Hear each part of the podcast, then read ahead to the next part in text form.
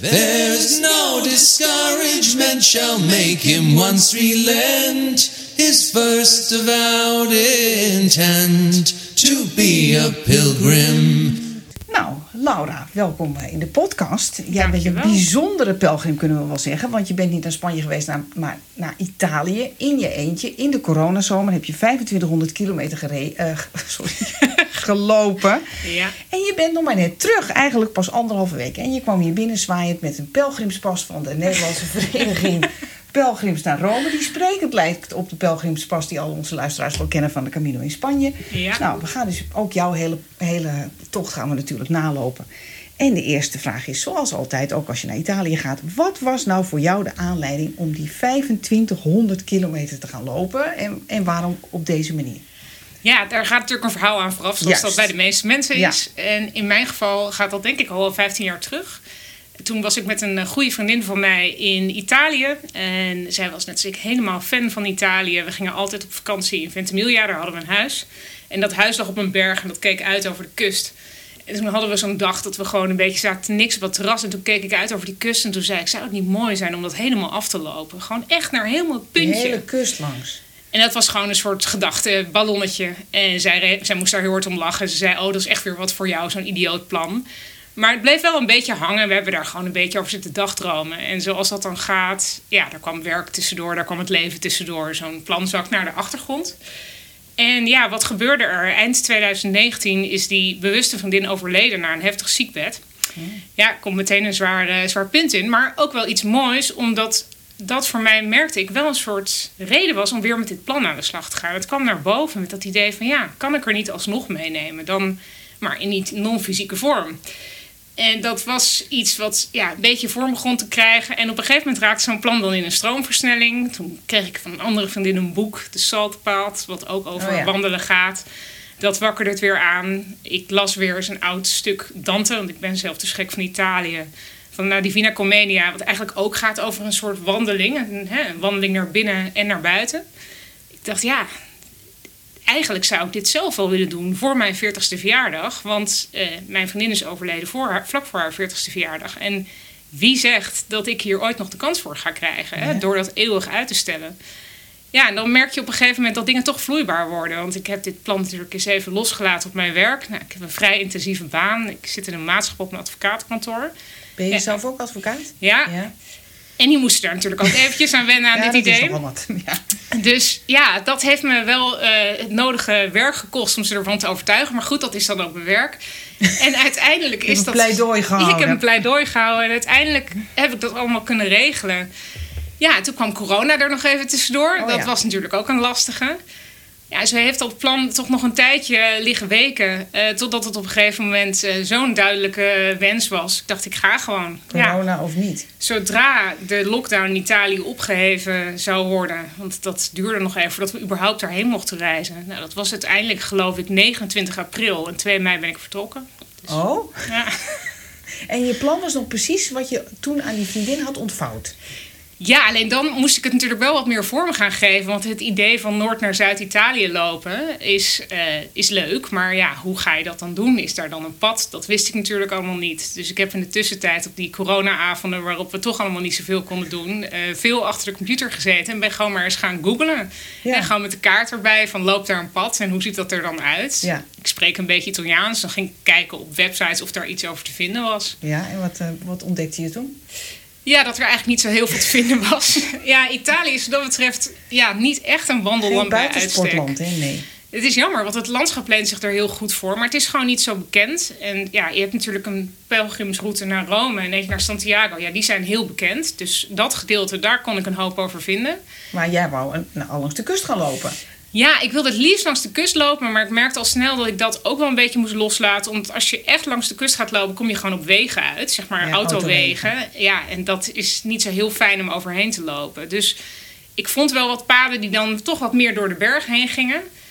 En kon een beetje routes aan elkaar knopen, in ieder geval op papier. Toen een brave, ja, zo, zo nou ja, ben ik dan toch ook wel weer een soort Excel-overzicht voor mezelf gemaakt. Met eerder etappes en- met Excel-sheets. Ja. ja, en, eh, en kilometers en zo erbij. En dat gaf in ieder geval voor mij het gevoel van... ik heb het alvast echt gemanipuleerd op papier... en nu kijken hoe het in het echt zal zijn.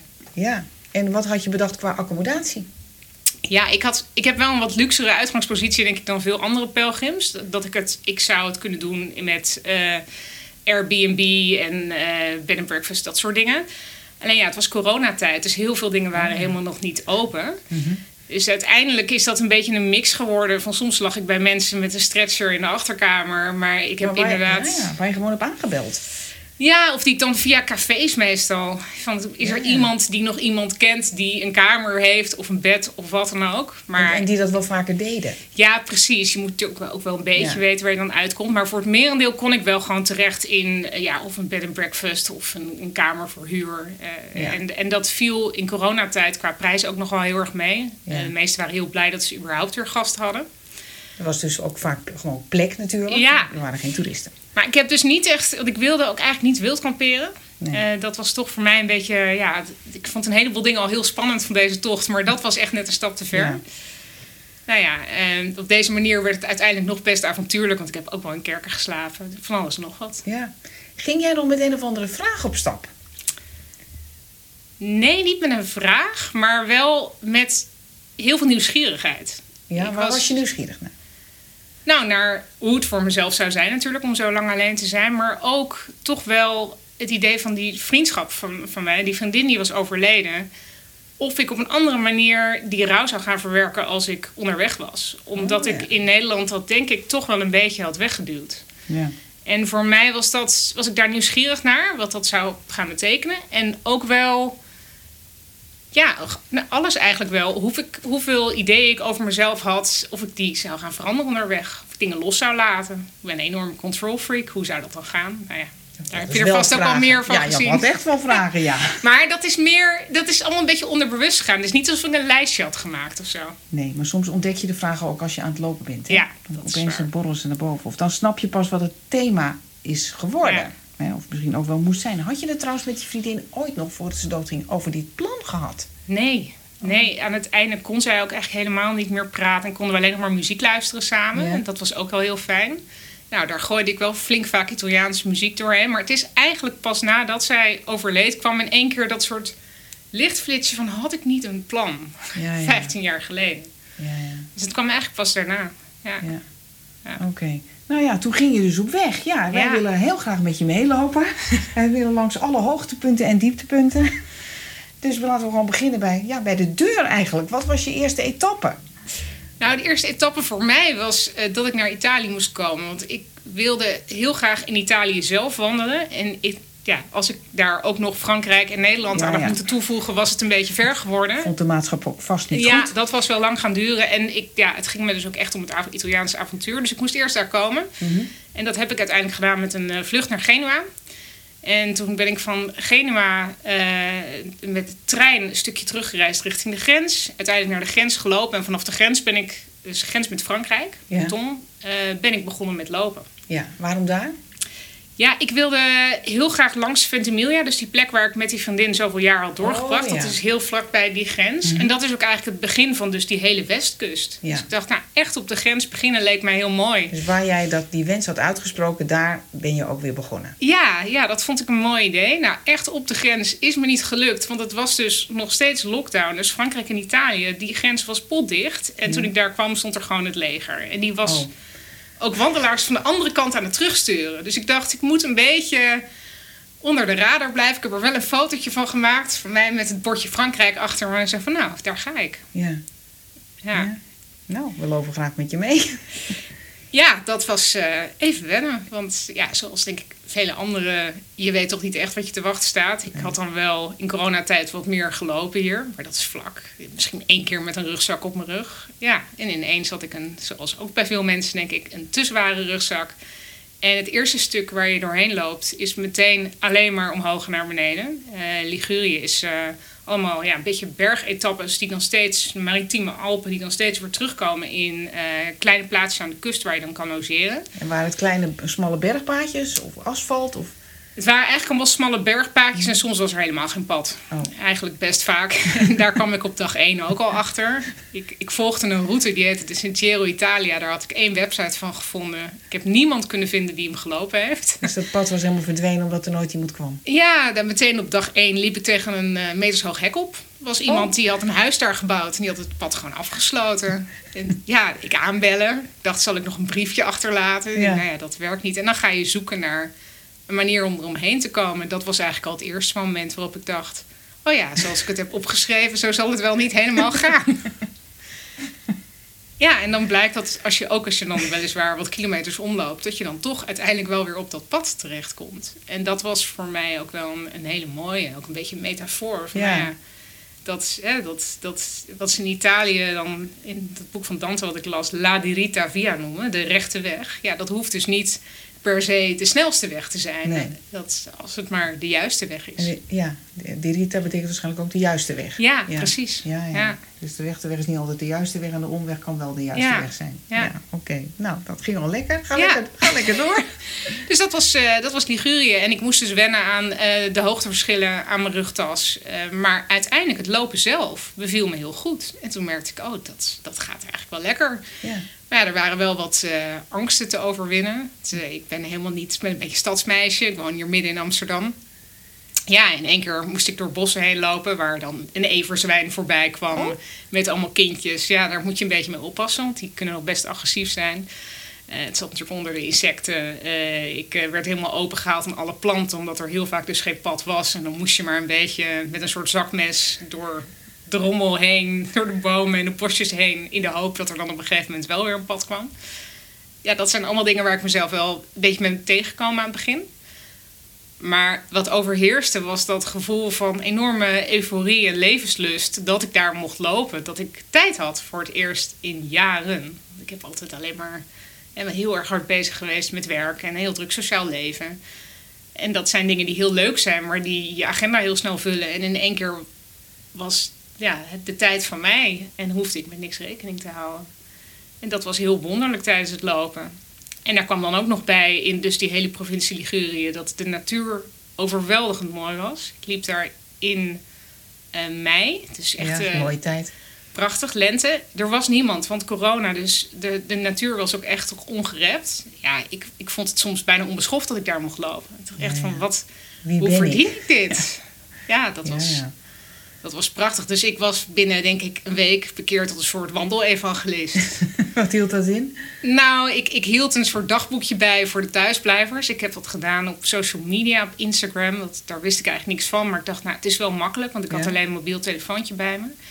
Ja, en die stuurde op een gegeven moment wel berichten van... nou, het is hartstikke leuk om je verhalen te lezen... maar eh, gaat het wel goed daar? Want ik krijg alleen maar van die eh, hey, hysterisch overdreven verhalen... over hoe mooi het allemaal is. Ja, mensen kenden me zo denk ik niet helemaal. Kende jij jezelf zo? Nou, ik, ik ken mezelf wel als iemand die heel erg eh, het geluk in de kleine dingen kan vinden. Dus dat wist ik wel. En dat ik ook heel emotioneel kan worden op een positieve manier van de schoonheid van de natuur, wist ik ook wel. Maar zo extreem als dit, dat was voor mij ook even wennen. Ja. Voelde je je ook bevrijd? Want zo klinkt het wel een beetje. Ja, ja dat was het ook wel. Ja, Van niet wat? op, niet op een manier, nou, van mijn eigen ideeën over wat moest, denk ik. Oh. Ja, dat is, je hebt toch, ja, je bent gewoon, je zit in een bepaald stramine in je dagelijks leven en daar ben je dan in één keer, kom je daar een beetje los van.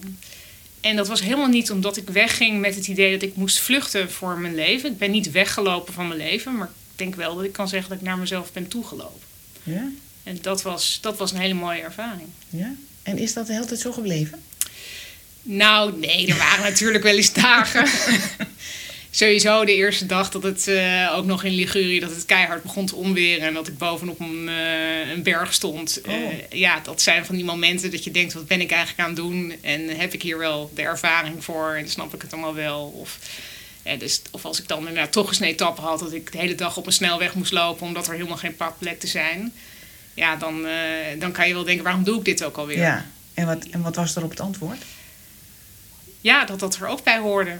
En dat het ook een kwestie was van telkens weer die nieuwsgierigheid van... maar waar kom ik dan weer aan aan het einde van de dag? En ook het, ja, toch wel het gevoel van ik ben weer aangekomen, wat mooi. En het hielp ook wel mee dat die eh, vriendin, eh, ja, die was overleden in mijn hoofd, was zij er. En dan hadden we continu gesprekken, dat was heel Oh, gezellig. Dus ik voelde me ook absoluut niet eenzaam of zo onderweg. Je hebt haar eigenlijk meegenomen. Ja, zo voelde het wel een beetje. hoe vond zij het? Nou, als ik, als ik voor haar, ook hoe ik haar natuurlijk kende Ja, in ja. levende lijven, had zij die toch nooit gemaakt. Oh. Want zij had, zij had, dat was voor haar helemaal niet fysiek, denk ik, ook wel wat te intens geweest. Maar ook gewoon te extreem aan alle kanten. Eh, zo van, ben jij nou gek dat je in je eentje door dat Italië... wie weet kom je enge mensen tegen en weet ik wat allemaal. Maar tijdens het lopen voelde ik ook, wat ik met haar ook heb gedeeld... die enorme levenslust en dat plezier in Italië... en het lekkere eten en het drinken en het genieten van de omgeving... en de geschiedenis die eigenlijk bij iedere steen zo'n beetje voor je ligt. Ja. Dat is natuurlijk ook heel mooi. Daar heb ik ook enorm van genoten. Kwam je wel eens Italianen tegen onderweg die jou daar zo zagen shocken met je rugzak? Zo'n blonde vrouw. Ja, Wat nou- gebeurde er dan? Ja, dat is wel bizar. Aan het begin merkte ik, kwam ik vooral, eh, er kwam ik eigenlijk heel weinig mensen tegen. Maar als ik iemand tegenkwam, waren het meestal oudere boertjes of mensen die gewoon op het land aan het werken waren. Die waren heel bang voor mij. Bang? Ja, en ik denk dat dat kwam door corona. Ik merkte dat Oh. mensen echt heel erg in hun schulp trokken, wat, wat ik gewoon niet zo op had gerekend. Want Ja, ja. ik spreek een beetje Italiaans. Mijn idee was ook leuk, kan ik praatjes ja. maken. En dat werd steeds beter. Maar aan het begin merkte ik dat mensen gewoon geschrokken waren. En ik denk ook, kwam daar wel achter door de gesprekken die ik wel kon voeren... dat het ook zo'n enorme eh, klap was geweest voor Italië... wat ze hadden moeten meemaken. Zoveel mensen waren familieleden kwijtgeraakt... of waren zelf hè, met hun werk in de problemen gekomen Ja. door die situatie. Dat ze gewoon echt bang waren van ja, wat gaat er gebeuren? En komen er nu weer buitenlanders? En wat gaat, gaan, krijgen we dan weer een nieuwe golf? Dus dat was aan het begin eh, lastig. Maar ja, je komt ook wel mensen tegen die juist heel open een praatje beginnen te maken. En die vonden het natuurlijk heel grappig. Je hebt Ja. wel mensen gehad die zaten te kijken van nou, die is niet goed bij haar hoofd. hadden- ze geloofde het niet ook zo niet. vaak gezien, neem ik aan. Nee, ze zei dan van, oh, ben je een stukje aan het wandelen? En Ja, dan zei ik, ja, ik wil naar Sicilië. En dan dacht ze, het zo, met de trein? Nou, nee, ja, lopend. Ja, ja. Ja, dat was natuurlijk heel wonderlijk. Eh, wat ik wel heel grappig vond, is dat de vrouwen die ik tegenkwam... als ik daarover aan het praten was, die kregen meestal wel... ook als ze al echt heel oud waren... enorme glans in de ogen. En die dachten op een gegeven moment toch, wat gaaf dat je dat doet. En dat je zo voor jezelf kiest.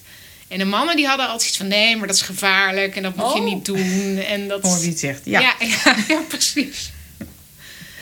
Maar ja, goed, de- uiteindelijk kwam ik. Ja, het duurde vrij lang voordat ik echt mensen begon tegen te komen. Dat was eigenlijk pas nadat ik uit de eerste provincie was. Dat is dus Ligurië. En dat, ja, dat is een kilometer of 600 is dat Oh. geweest. Oh, Dus dus dat de was het langste 600 stuk. kilometer ben je bijna niemand tegengekomen. Geen enkele wandelaar. Oh, wandelaar bedoel je? Ja, ja. Ja, Dus wel mensen nee, die daar ja, wonen. wel, wel is, nou ja, mensen die er wonen inderdaad. Maar ook dat was, het was best wel eh, spaarzaam bewoond. Dus je komt gewoon niet heel veel mensen tegen. Ja, steeds als ik dan naar een, een kustplaatsje afdaalde, dan was er natuurlijk wel, waren er mensen, waren er ook toeristen.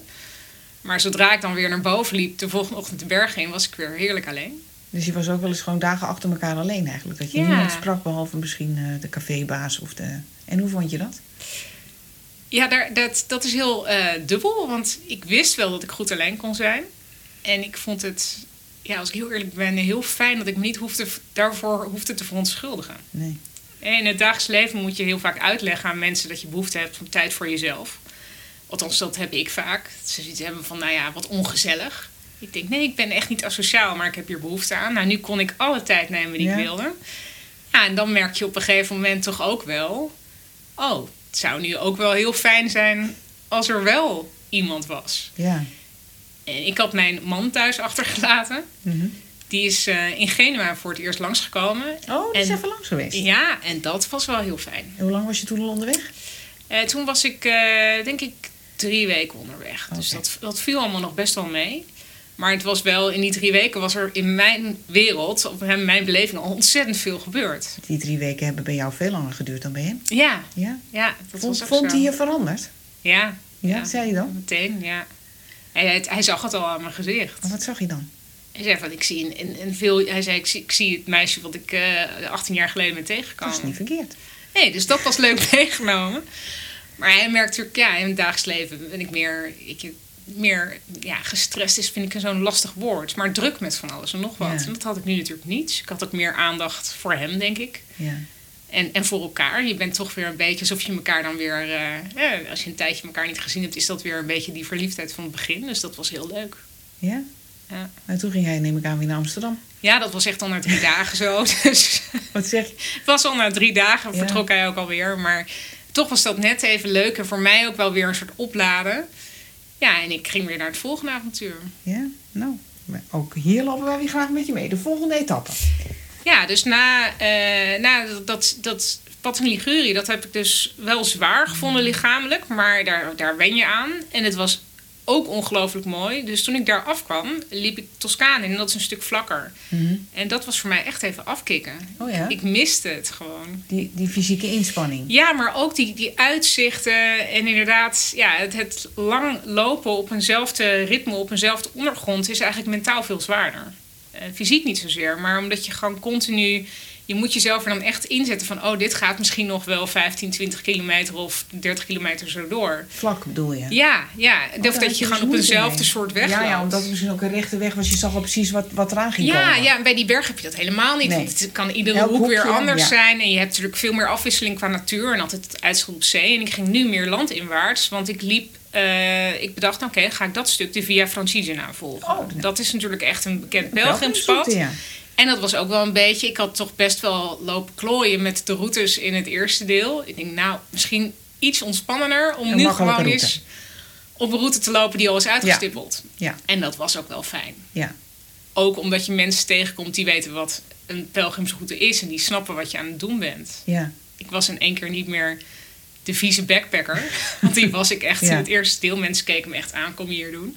Maar nu waren er echt mensen die zeiden van, oh wat geweldig, een pelgrim, kunnen we je helpen? Nou, ik was helemaal verbijsterd. En kwam je ook andere pelgrims tegen daar? Ja, uiteindelijk gelukkig ook wel. Eh, niet heel veel. Mensen die dan een paar dagen op de route liepen, dat waren alleen Italianen. Want het was nu, dus even kijken hoor, nu zitten we begin juni. Ja. En toen was Italië wel al wat meer open gegaan, maar mensen waren nog niet echt op pad gegaan. Dus ja, er, er waren geen buitenlandse pelgrims, maar voor mijn Italiaans was dat heel goed. Ja. En ik heb heel erg genoten van die ontmoetingen onderweg. Soms waren ze heel kort en dan liep mensen weer door. Of heb je een ander loopritme. Maar ik, ik vond dat heel leuk. ja. Maar die waren dus ook allemaal op weg naar Rome. Ja, sommigen waren dan, die deden stukjes. Ik kwam mensen tegen die het in stukken hadden gehakt. Die zeiden van nou, we doen dit jaar doen we een Oh, paar ja. etappes en dan volgend jaar weer. En dat is natuurlijk wel een iets ander uitgangspunt. Maar het, ja, je loopt wel dezelfde route. Dus je kan met elkaar wel het hebben over hoe warm of koud. Of hoe lang die dag nog is. Of er ergens een koffiebar onderweg zal zijn. Nou ja, die is er dan vaak niet. En dat soort dingen. Dat soort dingen, ja. En het was toen dus juni, en we leven nog steeds in coronatijd natuurlijk. Ja. Waren de voorzieningen allemaal beschikbaar? Ja, het is eigenlijk alles wat specifiek voor pelgrims normaal beschikbaar is. Ook op de Via Francigena. Dus de, eh, de, de, de, nou ja, soms heb je bij kerk of kloosters dat je kan slapen. Dat was eigenlijk allemaal dicht. Oh. En dat vond ik wel heel jammer, want ik had dat wel graag mee willen maken. Ook omdat je dan iets meer kans hebt dat je ook met andere Ja. pelgrims in contact komt. Maar voor de rest, er, ik kon wel onderdak vinden. En ik heb, wat ik zei, ik kwam ook mensen tegen onderweg... waarmee je dan toch soms ook wel weer hele diepzinnige gesprekken hebt. Dus ja, het werkte allemaal wel. Ja, Toch. ja. Het was mogelijk. Ja, de restaurants waren ook meer open gegaan. Ik heb ook wel ja, veel mensen gesproken die ja, toch is met, nou ja, met heel veel moeite dan hun eh, business probeerden open te houden. Een koffiebarretje of restaurantje of wat het dan ook was. Boekwinkeltje. Ja, dus je hebt wel, daardoor hadden mensen ook wel meer tijd voor een gesprekje. En Ja, dat ja. Was, was ook wel fijn ergens. Ja. Het voelde allemaal heel erg eh, tijdloos. Ja, alsof de tijd stilstond. Ja. Ja. Ja. En ben je ook nog door steden gegaan in Toscane? Ja, je komt, als je de Via Francigena loopt, kom je door Lucca. Ja. Eh, bijvoorbeeld, was ik nooit eerder geweest. Een hele, hele mooie stad. Meteen ook een dag extra vrijgenomen. Ik dacht, nou, nu wil ik even wat dingen gaan bezoeken. Ja, en natuurlijk toch ook een stempel halen voor dat paspoort. Want je bent dan toch bezig. Dus dat was, eh, dat was mooi. En dat was ook een voorbeeld van een stad die best wel was ingesteld op pelgrims. Dus waar je ook wel... Ja, je kon bijvoorbeeld korting krijgen op een concert 's avonds. Eh, dat, dat vond ik dan wel leuk. Ik denk van, nou ja, ze doen er wel wat mee. En Hadden daarna... ze daar trouwens pelgrimsmaaltijden in Italië? Dus dat ze een grote tafel hebben waar die pelgrims dan eh, op... Nee? Nee, want het is een veel kleiner, kleinere groep Dat mensen ook die het vol, die doet. dus dat, dat werkt niet. En daarom werken echt pelgrimsaccommodaties ook niet. Je hebt meer... Sommige eh, bed and breakfast hebben zich er dan op ingesteld... in de zin van dat ze een speciaal tarief aanbieden of zo. Maar er, ja, grote groepen kom je gewoon niet tegen. Nee. En dat, eh, dat is jammer, maar was ook wel voor mij juist iets wat ik heel graag wilde. Ik wilde meer in alleen en meer avontuur. En het, het leek mij niet zo fijn om in een enorme mensenmassa te lopen. Nou, dat, eh, Dat is ook niet gebeurd. Nee. ja. Dus ja, in Siena kom je doorheen bijvoorbeeld. Ja, je komt, Toscane zit natuurlijk vol met Ja. prachtige plaatsen. En dat was, ik moet zeggen dat, hè, hoewel ik aan het begin dus een beetje heimwee had naar de vorige provincie, naar Ligurië, terwijl ik aan het lopen was, uh, werd dat ook weer, kon ik die, die schoonheid van Toscane met die mooie heuvels en de zonsopgangen, ja, dat, uh, dat kon ik ook wel waarderen. Ja, en was het daar lekker wandelen qua, qua paden en zo? Ja, ik vond het, ik vond het soms wel wat, uh, wat zwaarder, omdat je dus op hetzelfde soort pad loopt. Het hangt natuurlijk van je, je, hoe je lichaamsgestel is. Maar mijn benen en voeten reageerden beter op oneven terrein. Dus ja. hoe rotsachtiger en, en uh, ja, het werd, hoe makkelijker het op me afging. Ja. Maar hoe meer het een vlakke weg werd, hoe meer ik last kreeg van kleine pijntjes of, of, een blaartje of zo. Maar los daarvan is het heel goed, vind ik, aangegeven en ook, ook aangelegd. En je hoeft inderdaad op een paar etappes na heel weinig bij de weg te lopen. Dus dat is, dat is fijn. Ja, en die, uh, ja, het is gewoon een heel mooi landschap. Alleen wat ik er lastig aan vond, het werd steeds warmer. Ja, er is helemaal geen schaduw. Je hebt geen bossen kom je eigenlijk niet doorheen. Mm. Dus het zijn allemaal ja, toch wat kalere heuvels met her en der een uh, leuk boompje. Ja. Ja, ja, precies. Daar heb je niet zoveel aan. Nee, nee, precies. Nou ja, dat, dat hoorde er dus ook bij. Ja, steeds vroeger vertrekken zeker. Ja, en ik ben niet zo'n ochtendmens. Oh. dus dat kost, me, dat kost me aan het begin wat, uh, wat moeite. Maar goed, als je dan één keer ziet met wat voor soort zonsopgang uh, Toscane uh, s ochtends welkom heet, ja, dan, dan doe je het wel. Ja. Het is wel echt ja, schitterend. Ja. Heel mooi. Ja, nou, dan komt Rome al zo'n beetje in beeld, hè? Ja, precies. Toen, ben je daar doorheen gegaan? Ja, zeker. Ja, uh, want ja, het, sowieso Rome was voor mij ook een onderdeel van waarom ik dit wilde doen. Het is de stad waar ik uh, nou, ooit een keer op Rome reis met de middelbare school terecht was gekomen. En toen helemaal gek van was. En dat is altijd zo gebleven. Dus het idee om nu naar Rome te lopen, dat, dat vond ik iets heel magisch. En ik moet ook zeggen dat de, sowieso de stukken boven Rome vond ik ook al heel mooi. Heel veel mooie plaatsjes daar ook gezien. Maar op het moment dat je dan, het regende die dag wel, het was slecht weer, het begon ook weer te onweren. Liep toen vanuit een van die zeven heuvelen, ik weet niet meer uit mijn hoofd welke, loop je dan de stad aan en dan zie je hem zo langzaam ontvouwen. En dan doemt in één keer doemt die Sint-Pieter op.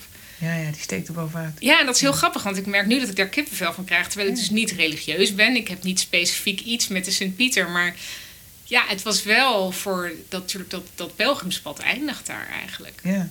Dus dat was voor mij een bijzonder iets om naartoe te lopen. En daar was ook mijn man weer, die op me stond te wachten op dat Sint-Pietersplein. Oké. Okay. Ja, dat maakte het natuurlijk allemaal nog even wat mooier. Ja? Dus ja, ik heb daar... Uh, dat, dat was een geweldige ervaring om daar ook heen te kunnen lopen. En ook wel omdat ik daar dus ook met die vriendin veel geweest was. Dus daar kwamen meteen ook allemaal herinneringen weer boven. Ja. Ook, uh, ja, nog even haar foto die met me eens meegereisd heb ik daar ook achtergelaten ergens. Dacht van, nou, dat is ook weer een soort stap die ik moet zetten in deze reis. Dat dat ook op een bepaalde manier loslaat. Ja. En je man zag je nu dus de tweede keer onderweg en was je weer veranderd? ja, ik, ik denk dat het een beetje hetzelfde verhaal was, maar hij zag dat ik steeds uh, rustiger was geworden. Ja, Aan het ja. begin was ik nog heel erg bezig met wat ik allemaal wilde doen onderweg. Ja, want mm-hmm. ik wilde ik wilde schrijven en ik wilde mijn Italiaans enorm verbeteren. En ik had bedacht dat ik uh, uh, heel gezond zou gaan eten en leven. Nou, dat is allemaal. Ik heb dat langzamerhand, al die ideeën die ik van tevoren had, die gingen het raam uit. En op een gegeven moment merkte ik dat ik überhaupt helemaal niet echt meer wilde schrijven. Ik wilde gewoon een beetje zijn. Ja, er hoefde niet zoveel meer. Er hoefde niet zoveel meer. En dat was uh, ook wel weer een eye-opener. En voor hem was dat heel grappig om te zien. Normaal als wij op vakantie gaan, dan heb ik alle restaurantjes van tevoren uitgezocht. Ja, en ik dacht, we gaan daar en daar heen. En nu kwam hij en zei waar gaan we heen vanavond? Ik zei, ja, weet niet, zeg jij het maar. nou, die, die schrok zich rot. Was hij er blij mee? Ah, hij, vond het, hij vond het wennen, maar ook wel weer heel leuk. En daardoor zijn we ook weer op plekken teruggekomen waar we anders misschien niet uh, kwamen. Het was veel meer, uh, nou, we zien wel wat de dag brengt. Ja, ja dat is natuurlijk de instelling hè, ja. van de pelgrim. Ja. ja. Dan moet ik er wel bij zeggen dat toen mijn, uh, dat, dat is onderweg al gebeurd, maar dat mijn plan wat veranderd was. Want uh, als ik in één keer naar Sicilië had willen lopen, had ik eigenlijk eerder moeten vertrekken. Want ik had al een vakantie op Sicilië gepland. Mm -hmm. Al voordat ik dit überhaupt allemaal had bedacht.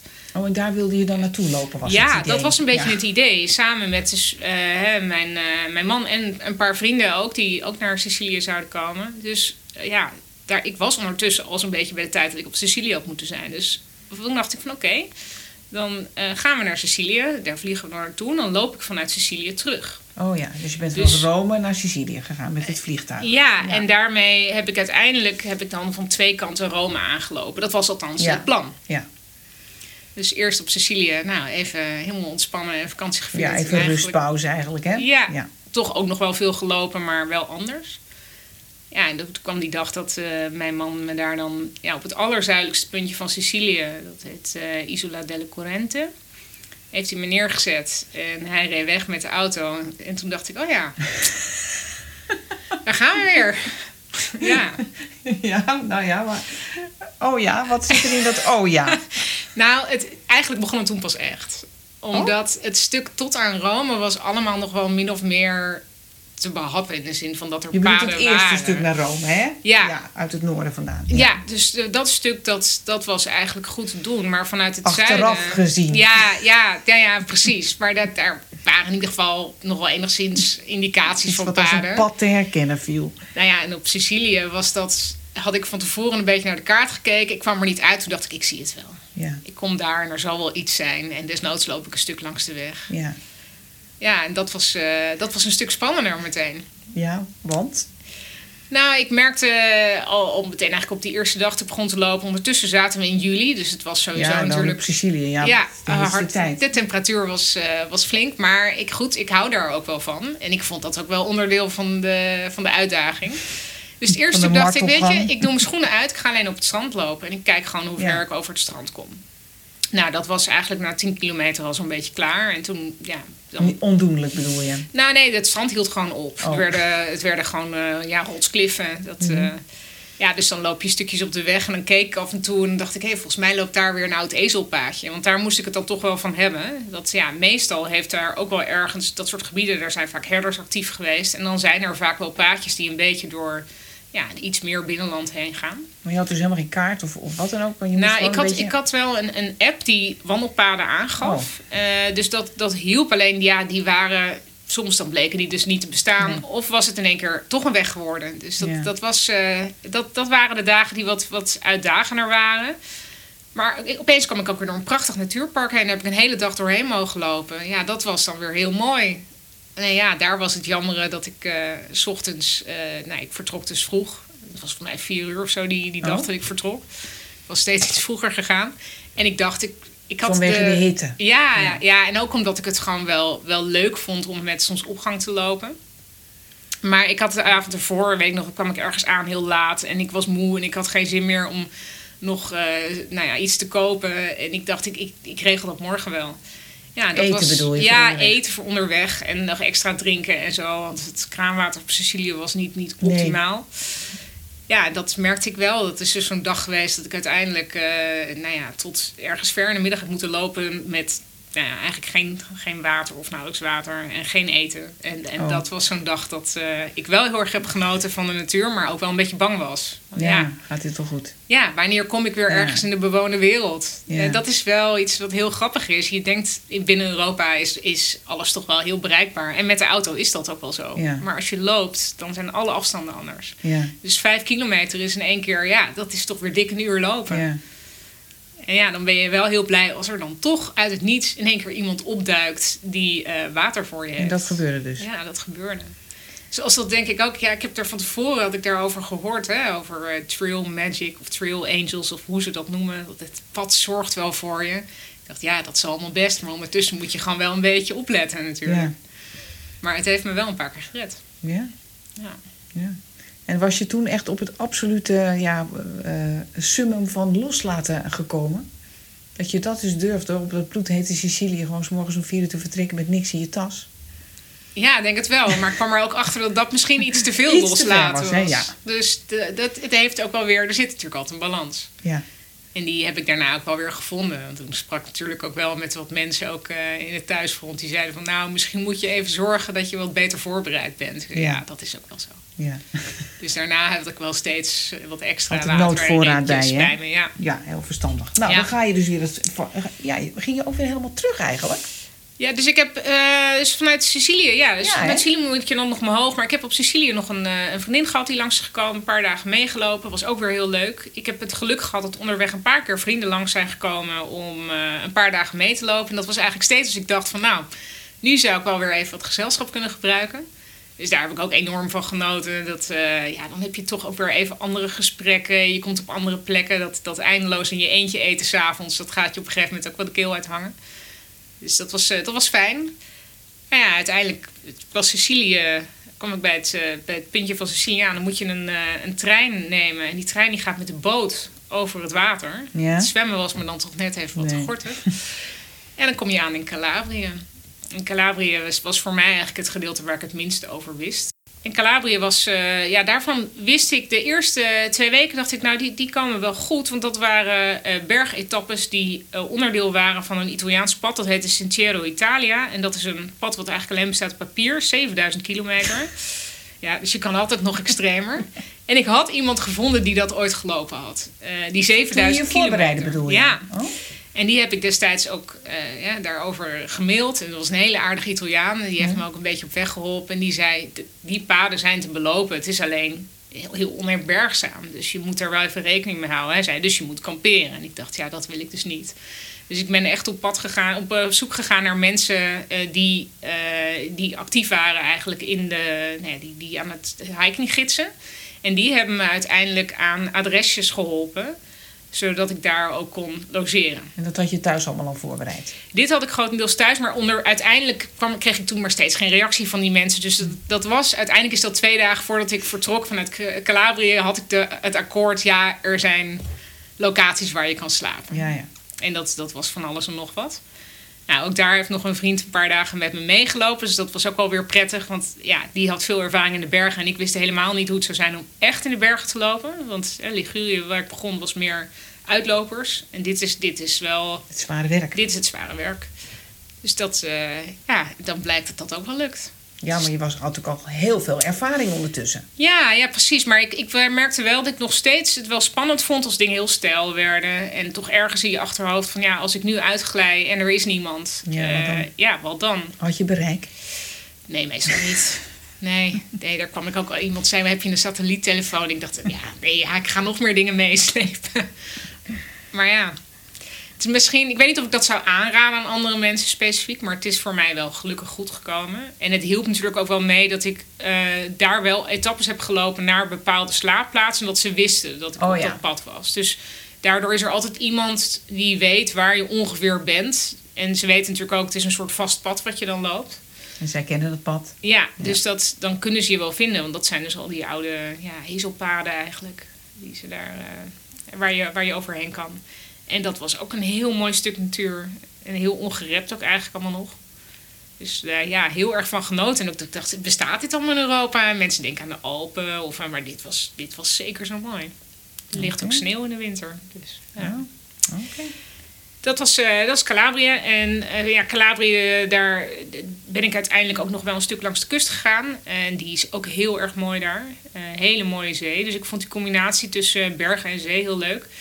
En wat ik daar het meest heb gehad van de hele route is eh, ja, de goedheid van de mensen. Oh ja? Sowieso is dat wel echt een thema geweest, de hele route. Maar ik ben zoveel mensen tegengekomen daar die me geholpen hebben met van alles en nog wat. Die me uit het niets eten aanboden. Of waar je mooie gesprekken mee hebt. Die, ja, het- iedereen was zo vriendelijk en betrokken. Gewoon En, mensen die daar woonden, neem ik aan. ja, mensen die daar woonden. Of die bijvoorbeeld, ik kwam ook een paar fietsers tegen. Ja, die waren gewoon aan het, eh, die deden wat ik deed, maar dan op de fiets. Ja, die, eh, die hebben me ook meteen een beetje op sleeptouw genomen. Dus dat, dat was wel heel erg leuk om te merken. Ik voelde me daar helemaal niet alleen. Hoewel het een heel dun bevolkt gebied is. Misschien wel juist daarom. Ja, waren ze ook heel blij dat er eens een wandelaar langskwam. ja er waren van die dorpjes waar ik denk ik binnen één dag kende ik iedereen bij naam. Weet je, dat was, eh, ja... En dan bleef je nog maar even een nachtje.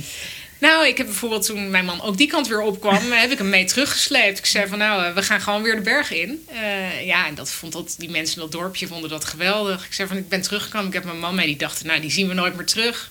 Dus dat was, nou ja, het is ook alweer heel bijzonder. Hoe vaak is je man al met al over geweest? Ja, het is, hij werkte in de luchtvaart, dat maakte het makkelijker, maar zes keer. Ja. Oh, Ja, ja, maar het waren helaas wel steeds vrij korte, korte bezoekjes. Maar het heeft natuurlijk wel de hele tocht. En ja, voor mij wel een, een, een hele. Ja, ik was heel blij dat het kon. Maar het lijkt meer dan het is, maar uiteindelijk loop je nog steeds. Ja, weet je, Ja, vijf maanden. deel Ja, je loopt het alleen. Maar, ehm, maar het, was, het, was, het was bijzonder om sommige dingen met hem te kunnen delen. ja. Dat eh, Ja. zeker. Ja, waar zijn we ondertussen? We zijn ondertussen eh, in, eh, we komen al echt wel dichter bij Rome. want We zijn nu in, vanuit Calabria liep ik naar Basilicata. En Basilicata is eh, ook zo'n provincie waar ik eigenlijk helemaal niks van af wist. Het is echt een beetje een soort van nou ja, klein hoekje in Italië en ook heel bergachtig. En waar ik in Calabria nog eh, zeg maar hulp had gehad bij het uitzoeken van eh, accommodatie, was dat hier helemaal niet. Oh. Dus daar kwam die eerste dag dat ik ging lopen en niet zou weten waar ik uit zou komen. oh, dat was En- toen pas ja, toen pas. op die... Dan was je al bijna in Rome terug. Ja, ja. Ja, nou ja, goed. Het, het- als je het op de kaart bekijkt, was het nog wel een stuk. Maar dat was de eerste keer dat ik in ieder geval helemaal niets had kunnen vinden op de kaart. Ik heb wel eerder gehad dat ik nog niks had besproken. Maar dan dacht ik van, nou ja, Ja, ik vind het wel wat. een dorpje. Ja. En hier kwam ik eh, uiteindelijk naar ook, ja, wat sowieso de, hele, de, de heftigste etappe van mijn hele rit bleek te zijn. Qua kilometers en qua hoogteverschillen. Eh, ja, dat was, dat was wel, eh, wel pittig. Kwam ik uiteindelijk aan, heb helemaal bovenop een berg. En daar stond een, eh, een kerk op. Ja. En dat, ja, hoe gaat dat in, in Italië? Er is ooit een herder die een, Die die, een engel die heeft een visioen heeft gehad. En dat gebeurt altijd op van die plekken waarvan je denkt, nou, hoe kom je er in godsnaam? En die heeft dan ook mensen zover gekregen om daar iets te bouwen. En daar stond dus een kerk. Ja. En uiteindelijk eh, heb ik met dank ook aan iemand anders die daar was, eh, ja, die was een beetje aan het bemiddelen was. Eh, de, de man van de, ja, zeg maar de, de, de poortwachter van de kerk, die zat niet heel erg op mij te wachten. Maar die heeft me uiteindelijk dan toch maar de kans gegeven om in de kerk te slapen. Oh. En dat was heel bijzonder, want hij ging zelf weg. Iedereen ging daar dan weg, s'avonds. Iedereen, maar wie was er wel meer? Nou ja, er waren, er waren, meer, er waren allemaal mensen die dat bezochten, ook Oh, overdag. Dus er was ook daarnaast was er een plekje waar je koffie kon krijgen. Maar Een dat ging rond, ja, rond Ja. zes uur dan allemaal dicht. En er was dan ook geen elektriciteit en water meer. Maar het was wel... En dus het was pikdonker, maar dat, dat, ja, dat was magisch. Heb je dus in je eentje op zo'n oud kerkje bovenop een Ja. andere bergtop? Ja, ja. Ja, maar ik voelde me echt omarmd. ja. Het was, het was totaal niet eng. Het was alleen maar prachtig. Ik zag zo langzamerhand die zon eh, ondergaan boven die bergen in alle kleuren van de regenboog. Ja, en ik moest gewoon heel hard lachen eigenlijk. Ik dacht, nou, nou ja, daar zit je Maar dus bovenop praktisch vraagje. Had je wel een, een matrasje en een slaapzak Ja, bij je? dus dat dan? had ik, dat had ik Ja. wel. Dus daarmee kon ik wel, want dat had ik van tevoren wel bedacht. Ik moet wel zorgen dat ik hè, Dat ook als het een liggen. keer Ja. eh, niet Al is werkt. het in een bushalte. Ja, precies. precies. Dat Nou ja, daar heb ik dus eigenlijk, ik heb het maar denk ik drie, vier keer nodig gehad op de hele tocht. Dus dat valt Oh. allemaal heel erg mee. Maar goed, en dat was eh Basilicata. Dus die ook, eh, daar heb ik ja, een aantal bergetappes mogen doen. En dat was ook weer om mezelf weer een beetje de grenzen verleggen. Ook omdat je dan ja, op een gegeven moment dan mist. En dan komen er allemaal koeien vanuit het niets naar je toe. En dan, ja, sorry, je moet me ook gewoon maar stoppen als ik inderdaad te veel uitweid. Ik heb er, ik heb er eentje die toch wel grappig is. Want ik kwam daar op een gegeven moment aan, ook weer bij een plek waar ik zou blijven slapen. Na ook weer een, eh, een bergetappe. En daar was ook weer een kerkje aan de andere kant. Ik kon dat zien, dat lag zeg maar een bergje verder. En toen dacht ik aan die avond, nou, mijn voeten doen het nog wel goed. Ik loop daar nog even naartoe. En dat heb ik gedaan.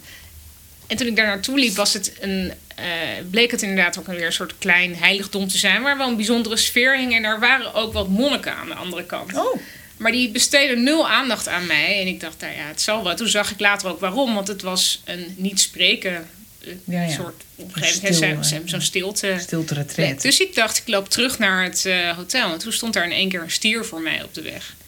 En die stond een beetje met zijn poot eh, te schoppen. Oh, ja, ja.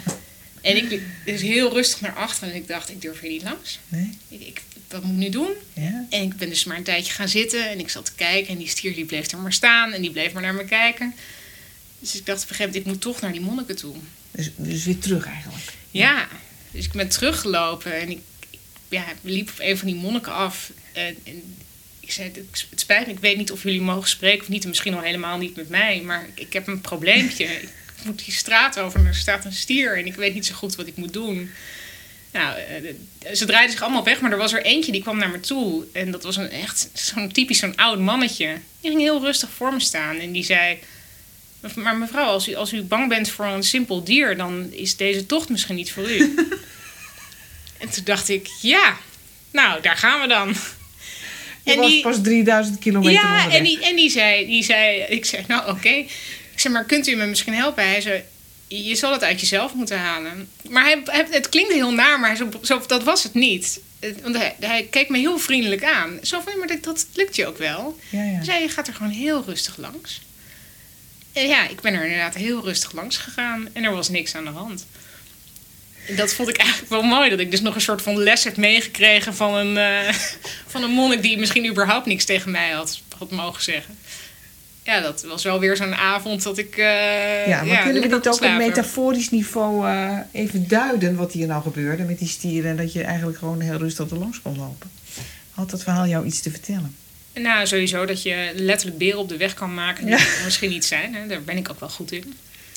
En ook wel dat je toch weer meer blijkt te kunnen dan je denkt. Hè, dat is Ja. de eerste. En tegelijkertijd vind ik het om hulp vragen normaal ook al heel moeilijk. Dus dat was voor mij al een Oh. hele stap om op zo iemand af te stappen. Ja, en je vraagt om hulp en dan, dan blijkt het antwoord te zijn dat je het zelf kunt oplossen. Ja, maar toch was dat wel de hulp die ik ja, nodig ja, had. Want ik kon dat antwoord op dat moment nog niet in Nee. mezelf vinden.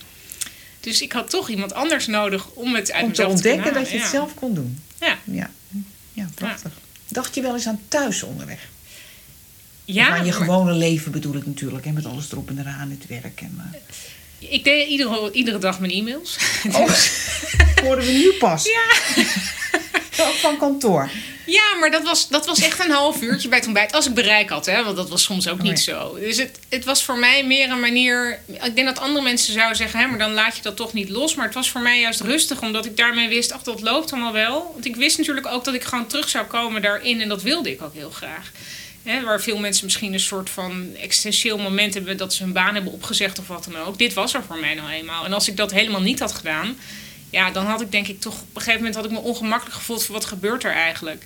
Maar moest je nog wat met die e-mails? Of nam je het totje en daarna legde je het Nou, gewoon nee, dan was het meer dat ik kon zeggen van... Goh, heb jij dit gezien? Pak jij het op? Ik moest natuurlijk een beetje Oh, je dingen uitzetten. delegeren. Ja, ik heb, en dat was ook het hele punt. Ik heb zo ontzettend geluk gehad met collega's... die me zo uit de brand hebben geholpen onderweg.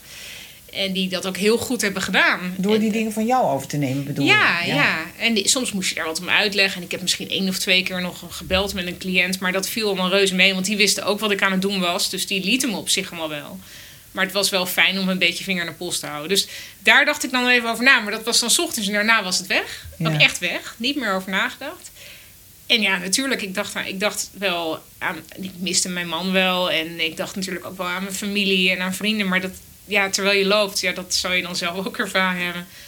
Dus bij mij was het zo, het wordt steeds leger in je hoofd. En dat merkte je dus ook wel. Ja, ja, het was heerlijk. Ja. Ik sliep ook goed. Nou, dat doe ik normaal helemaal niet. Ik ging liggen, ik was weg. Ja, fantastisch. Ja. Ja. En dan kwam er toen ook zo'n soort gevoel van je, bij je op, dat hebben heel, heel veel pelgrims namelijk, die dan denken, hoe kan ik dat nou vasthouden? Ja, natuurlijk. ja. Wat was daarop het antwoord? Ik denk ook wel een soort berusting dat dat niet op die manier werkt. Dat het misschien ook wel... Je zou het jezelf heel moeilijk maken, denk ik... als je verwacht dat je voor eeuwig eh, daarin Ja. kan blijven zitten. Want kijk, het zijn de ideale omstandigheden om zo tot jezelf te kunnen komen. Maar het leven is er nou eenmaal ook om die uitdagingen aan te gaan en, en de wereld in te gaan. Dus dat wist ik wel. Maar wat ik hoopte ervan mee te pakken... en of dat zo is, zullen we nog, zal nog moeten blijken Ja, want je bent nog maar net terug. is eh, ja, toch de, de- met iets meer relativeringsvermogen naar dingen te kunnen kijken. En wat moest je dan leren relativeren vooral? dat het allemaal niet zo enorm belangrijk is. en Oh, dat ik ook niet onmisbaar Alles ben. eigenlijk. Ja, Ja, ja. nou ja, inderdaad, echt alles. Ja, weet je, of in ieder geval de rol van wat, wat ik, die ik erin speel. Dat, eh, dat heeft natuurlijk ook met ego te maken. En dat was eigenlijk wel heel fijn, omdat je wordt identiteitsloos als je loopt. Niemand interesseert het wat mijn baan was of wat ik heb gedaan of hoe oud je bent of wat dan ook. Mensen zijn daar helemaal niet mee bezig. En ik dus ook niet. Nee. En dat was heel fijn. dus dat, ik hoop dat ik dat een beetje mee kan nemen. En ook wel ja, dat gevoel van de goedheid van de mens. En de, de bijzondere gesprekken die ik heb gehad. Hoeveel verschillende er ook kunnen zijn. Dat, dat vond ik ook iets heel moois. Ja, Ja. ja. We- We lopen nog even met je Rome binnen. Oh ja, dat eh, is naar. Ja, dan moet ik nog even, daar zal ik dan ook nog even snel doorheen gaan. Ik ben na Basilicata kregen we nog een provincie. Dat was eh, Campanië. En Oh ja. dat is eh, waar de Amalfi-kust zit. En Napels, hè? En Napels natuurlijk. En die Amalfi-kust is, vind ik, een van de mooiste plekken van Italië. En het is daar ook, de natuur is daar ook heel overweldigend mooi. Dus dat was heel leuk. En daar heb ik mijn verjaardag gevierd. Mijn Mhm. 40ste verjaardag. Dus je man is weer overgekomen, neem ik aan. En mijn ouders waren je er. Die waren op vakantie ergens in de buurt. Tutta la familia. En er kwamen nog een paar vrienden langs. Dus uiteindelijk waren we daar met z'n tienen. Ja. Eh, vanuit het niets, van helemaal alleen, had ik in één keer een hele groep mensen om me heen. Maar had je het zelf georganiseerd of hadden ze jou verrast? Nee, ik had wel. Ik, ze wisten wel dat ik daar zat. En ik had gezegd: ik wil geen grote feesten of dingen of wat dan ook. En dat werkt ook niet, want ik ben aan het lopen. Maar als je het leuk vindt, ben je welkom om langs te komen. En uiteindelijk uh, ja, hebben er ook een aantal mensen echt die moeite genomen. En dat was voor mij natuurlijk ja, heel emotioneel en waardevol. Ik, ik ben hier een beetje mijn eigen droom aan het uitleven. En dan komen mensen nog helemaal naar me toe ook om dan die verjaardag te vieren. Ja ja, dat was heel bijzonder. Wij willen natuurlijk ook even weten of die mensen ook iets aan jou is opgevallen tijdens die verjaardag. ja, ik kreeg natuurlijk van iedereen wel te horen van... Goh, Laura, moet je vaker doen. je ziet er wel een stuk relaxter uit. Uh, dus dat, dat was natuurlijk wel bijzonder. En ik denk ook wel dat ze ook wel merkten aan mij... dat ik het lastig vond om om te schakelen. Van waar naar waar? Van uh, naar alleen zijn en nergens aan te hoeven denken... naar in één keer ja, weer mensen om me heen. waar Je, je, bent, je gaat in één keer van niets naar een beetje feest en drukte. En, ja, en ik ga dan toch in organisatiemodus weer. Dus ik was toch weer aan het regelen. Oh, waar gaan we eten vanavond? En hoe gaan we. Weet je, het is niet stomme dingen. Dus dat, dat schiet er dan wel weer even in. En ik denk dat het me daardoor een beetje, ja, het overkwam me allemaal een beetje. En ik vond het uh, prachtig als ik die foto's zie, dan zie ik ook hoe hard ik daar aan het genieten was. Maar het was bijna zoals mijn huwelijksdag. Het vloog voorbij. Ja, ja. ja. Ja. Nou ja, dus dat, uh, ik ben wel heel blij dat we dat ook hebben kunnen meemaken. En daarna ja, liep ik weer verder in mijn dus eentje. Het laatste stuk, hè? Ja, nog door campagne naar boven. En daar heb je nog heel veel opgravingen. Enorme fan van de Pompeii en zo. Ja, ja, maar je hebt van alles. Helemaal nog, deels ligt het ook onder de zeespiegels. Kun je er gewoon naartoe duiken of uh, snorkelen. En ja, eigenlijk was het daar liep ik weer langs de kust. En dan was het weer, oh wacht, ik kom in een uh, overblijfselen van een Romeinse villa. Dat, dat was echt continu zo en dat vond ik prachtig. Ja. En dan helemaal, als je dan het laatste stuk eigenlijk... Want dan kom je op een gegeven moment weer op die Via Francigena. Want die gaat vanaf Rome nog verder naar het zuiden, maar oh. naar, dan naar de punt. Hè, want het is eigenlijk een route die oorspronkelijk naar Jeruzalem zou moeten gaan. Dus die gaat naar de, de Hak. Ja. En daar kon ik een stukje nog van meepakken terug naar Rome. En de laatste etappe die je daar dan eigenlijk loopt, dat is de Via Appia, dus de oude de snelweg van de Romeinen. En dat is een uh, Dus daar ben je overheen stuk. Rome binnengelopen, over de Via En daar ben ik overheen Rome binnengelopen, dus langs alle, nou ja, nog eigenlijk de oudheid die daar is. En op een gegeven moment hoor ik wat geluid en komt er een geitje voorbij gelopen. Toen waren er twee geiten, toen waren er drie geiten. En binnen no time stond ik tussen 200 geiten daar op die Via Appia. En we liepen allemaal tussen al die blerende geiten diezelfde weg op. En toen had ik het ik in een andere tijd terecht was gekomen. Ik dacht wel, ja. En dit is dus mijn laatste dag, dacht ik toen in één keer. Ja? Op het pad. En wat dacht je toen? Ja, dat, dat, dat was ook een, een lastige. Want aan de ene kant is dat dan natuurlijk jammer uh, en, en, moeilijk. Maar ik had wel gemerkt in de laatste week, twee weken, dat ik er al een beetje naartoe aan het werken ja, was. Dat ik ook wel. Ook dat je naar, het, naar Rome toe liep, dat het bijna afgelopen Ja, en maar ook wel het idee dat ik merkte dat het me toch wat zwaarder begon te vallen om, uh, om, om gewoon de hele dag maar, weet je wel, dan die etappes. Ik dacht, op een gegeven moment zijn we er al. Nou, dat had Ja, ik aanvankelijk helemaal niet. Maar dat kwam aan het einde toch wel een beetje. En ehm, ja, ook wel de, ja, het, het s'avonds het alleen zijn. En het weer werd slechter. Ja. En dat, eh, ja, ik had natuurlijk heel erg mooi weer en heel zomers weer gehad. Heel warm ook. Dus in één keer begon het weer meer te regenen. En dan merk je dat mensen ook zich weer wat meer in zichzelf opsluiten. Dus de contacten werden ook weer minder. In welke Dus, maand zitten we dan ondertussen? eh, nu zitten we eigenlijk al, eh, ja, want ik ben toch wel een beetje door dat laatste stuk er nog doorheen geroust. Maar dat is eh, september. Ja. Ja, ja, vorige maand dus. Ja. ja. Precies. zag je de herfst al aankomen. Ja, wat natuurlijk ook wel weer heel mooi was. Je ziet het landschap steeds veranderen als je er doorheen loopt. Ik- ben daar veel, veel gevoeliger voor geworden. Dat vond ik heel bijzonder om te zien.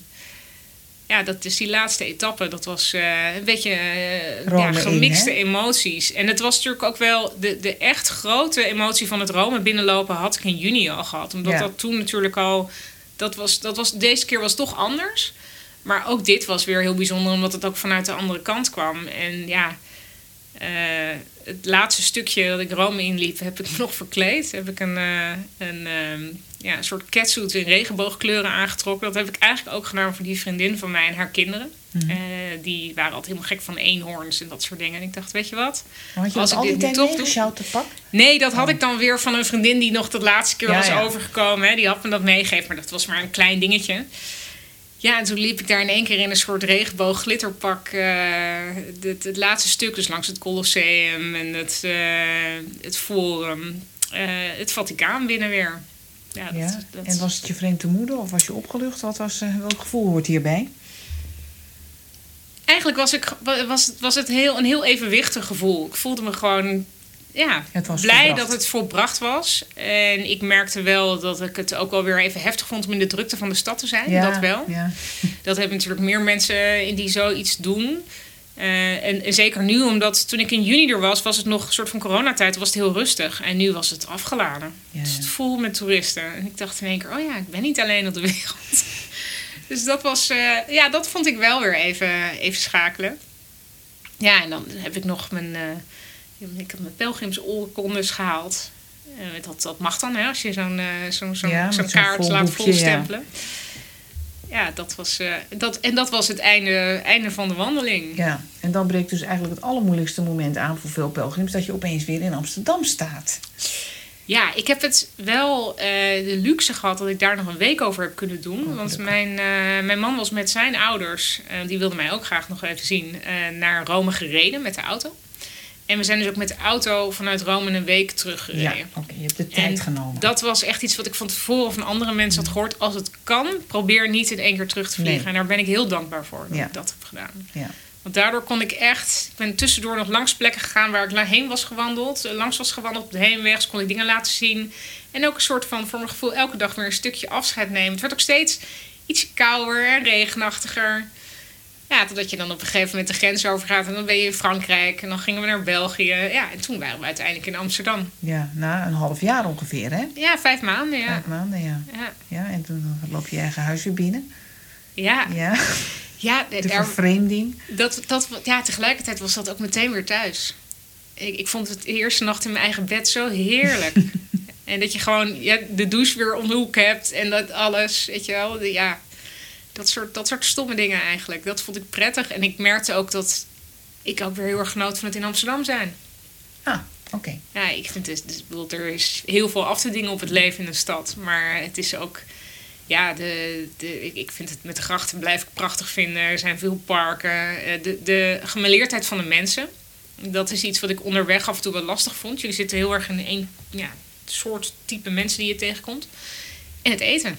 En dat is heel gek, want ik ben gek op Italiaans eten. Maar ik had vijf maanden alleen maar pasta en aanverwante zaken gehad en pizza. En ja, nu gewoon weer dat je de kans hebt om naar een Thai of naar Japans of gewoon lekker een boerenkoolstampot te eten. Dat vond ik best fijn. Oké. Interessant. Ja.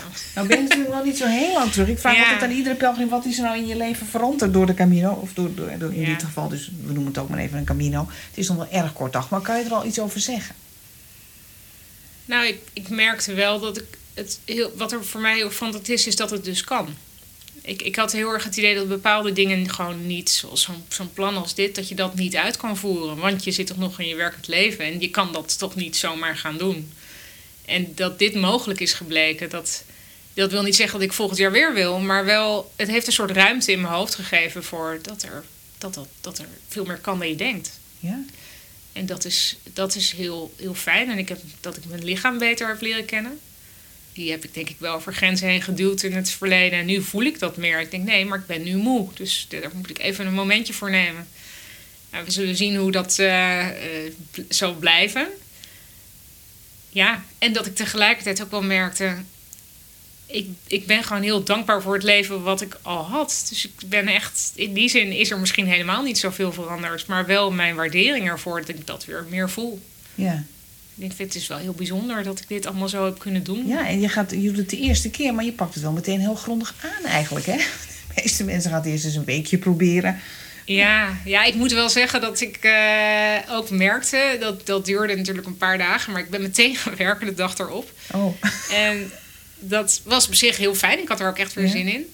Maar ik merkte dat het stilzitten de hele dag achter de computer, daar werd ik een beetje kriebelig van. En ik, ik, begon me een beetje gek te voelen, alsof ik iets, iemand miste. ja? En ik Oh, dacht, ja? wat, wat is dat? Eh, Dat is een heel vreemd gevoel van, nou ja, dit- alsof er inderdaad een persoon ontbrak. En toen dacht ik op een gegeven moment, ja, ik, Ja, ik wie mis is het pad. Het- ik, Oh, mis het pad. niet, ik mis niet zozeer een persoon, ik mis, ik mis het pad. En toen las ik ook op, op internet dat er toch wel veel mensen zijn die dat dan post-hike blues of depression hebben genoemd. Ja. Nou, zo zwaar zou ik het helemaal niet willen noemen, maar ik las wel, ga weer lopen.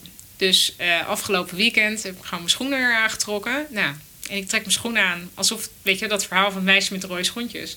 Ik loop de deur uit en ik ben weer, ik ben weer in dat wandeluniversum. Gewoon in Amsterdam. Ja, Ja. En gewoon wat parken afgelopen. En ik had meteen weer gedacht, hé, hey, ik zie details die ik anders niet had gezien. Ik had ineens weer gesprekjes met mensen. Er was in één keer weer tijd in mijn beleving. Ik denk, nou, als ik dat er een beetje in zou kunnen houden. Niet elke dag, maar als ik gewoon... Ja? Dat zou ik een enorme verrijking vinden. Ja?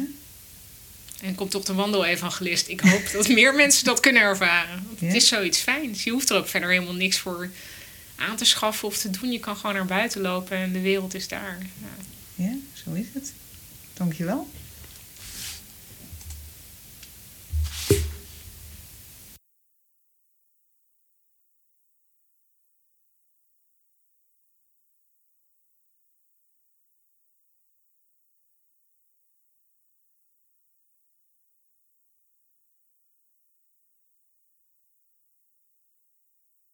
Who would true valor see? Let him come hither. One here will constant be, come wind, come weather. There's no discouragement shall make him once relent his first avowed intent to be a pilgrim. Whoso beset him round with the dismal stories confound. Wil je meer weten over de Camino? Kijk dan eens op de website van het Nederlands Genootschap van Sint-Jacob, www.santiago.nl. Suggesties voor deze podcast kun je mailen naar mij, post.johannakroon.nl. En als je deze podcast interessant vindt voor je vrienden, zou je er dan op Facebook een berichtje aan willen wijden. Het lied dat je hoort is een Engels pelgrimslied uit 1684, getiteld Who Would True Valor See, gezongen door Alistair Thompson op zijn CD Log Rise Revisited. Tot de volgende keer. Who would true him come hither. One here will constant be, come wind, come weather. There's no discouragement shall make him once relent his first avowed intent to be a pilgrim.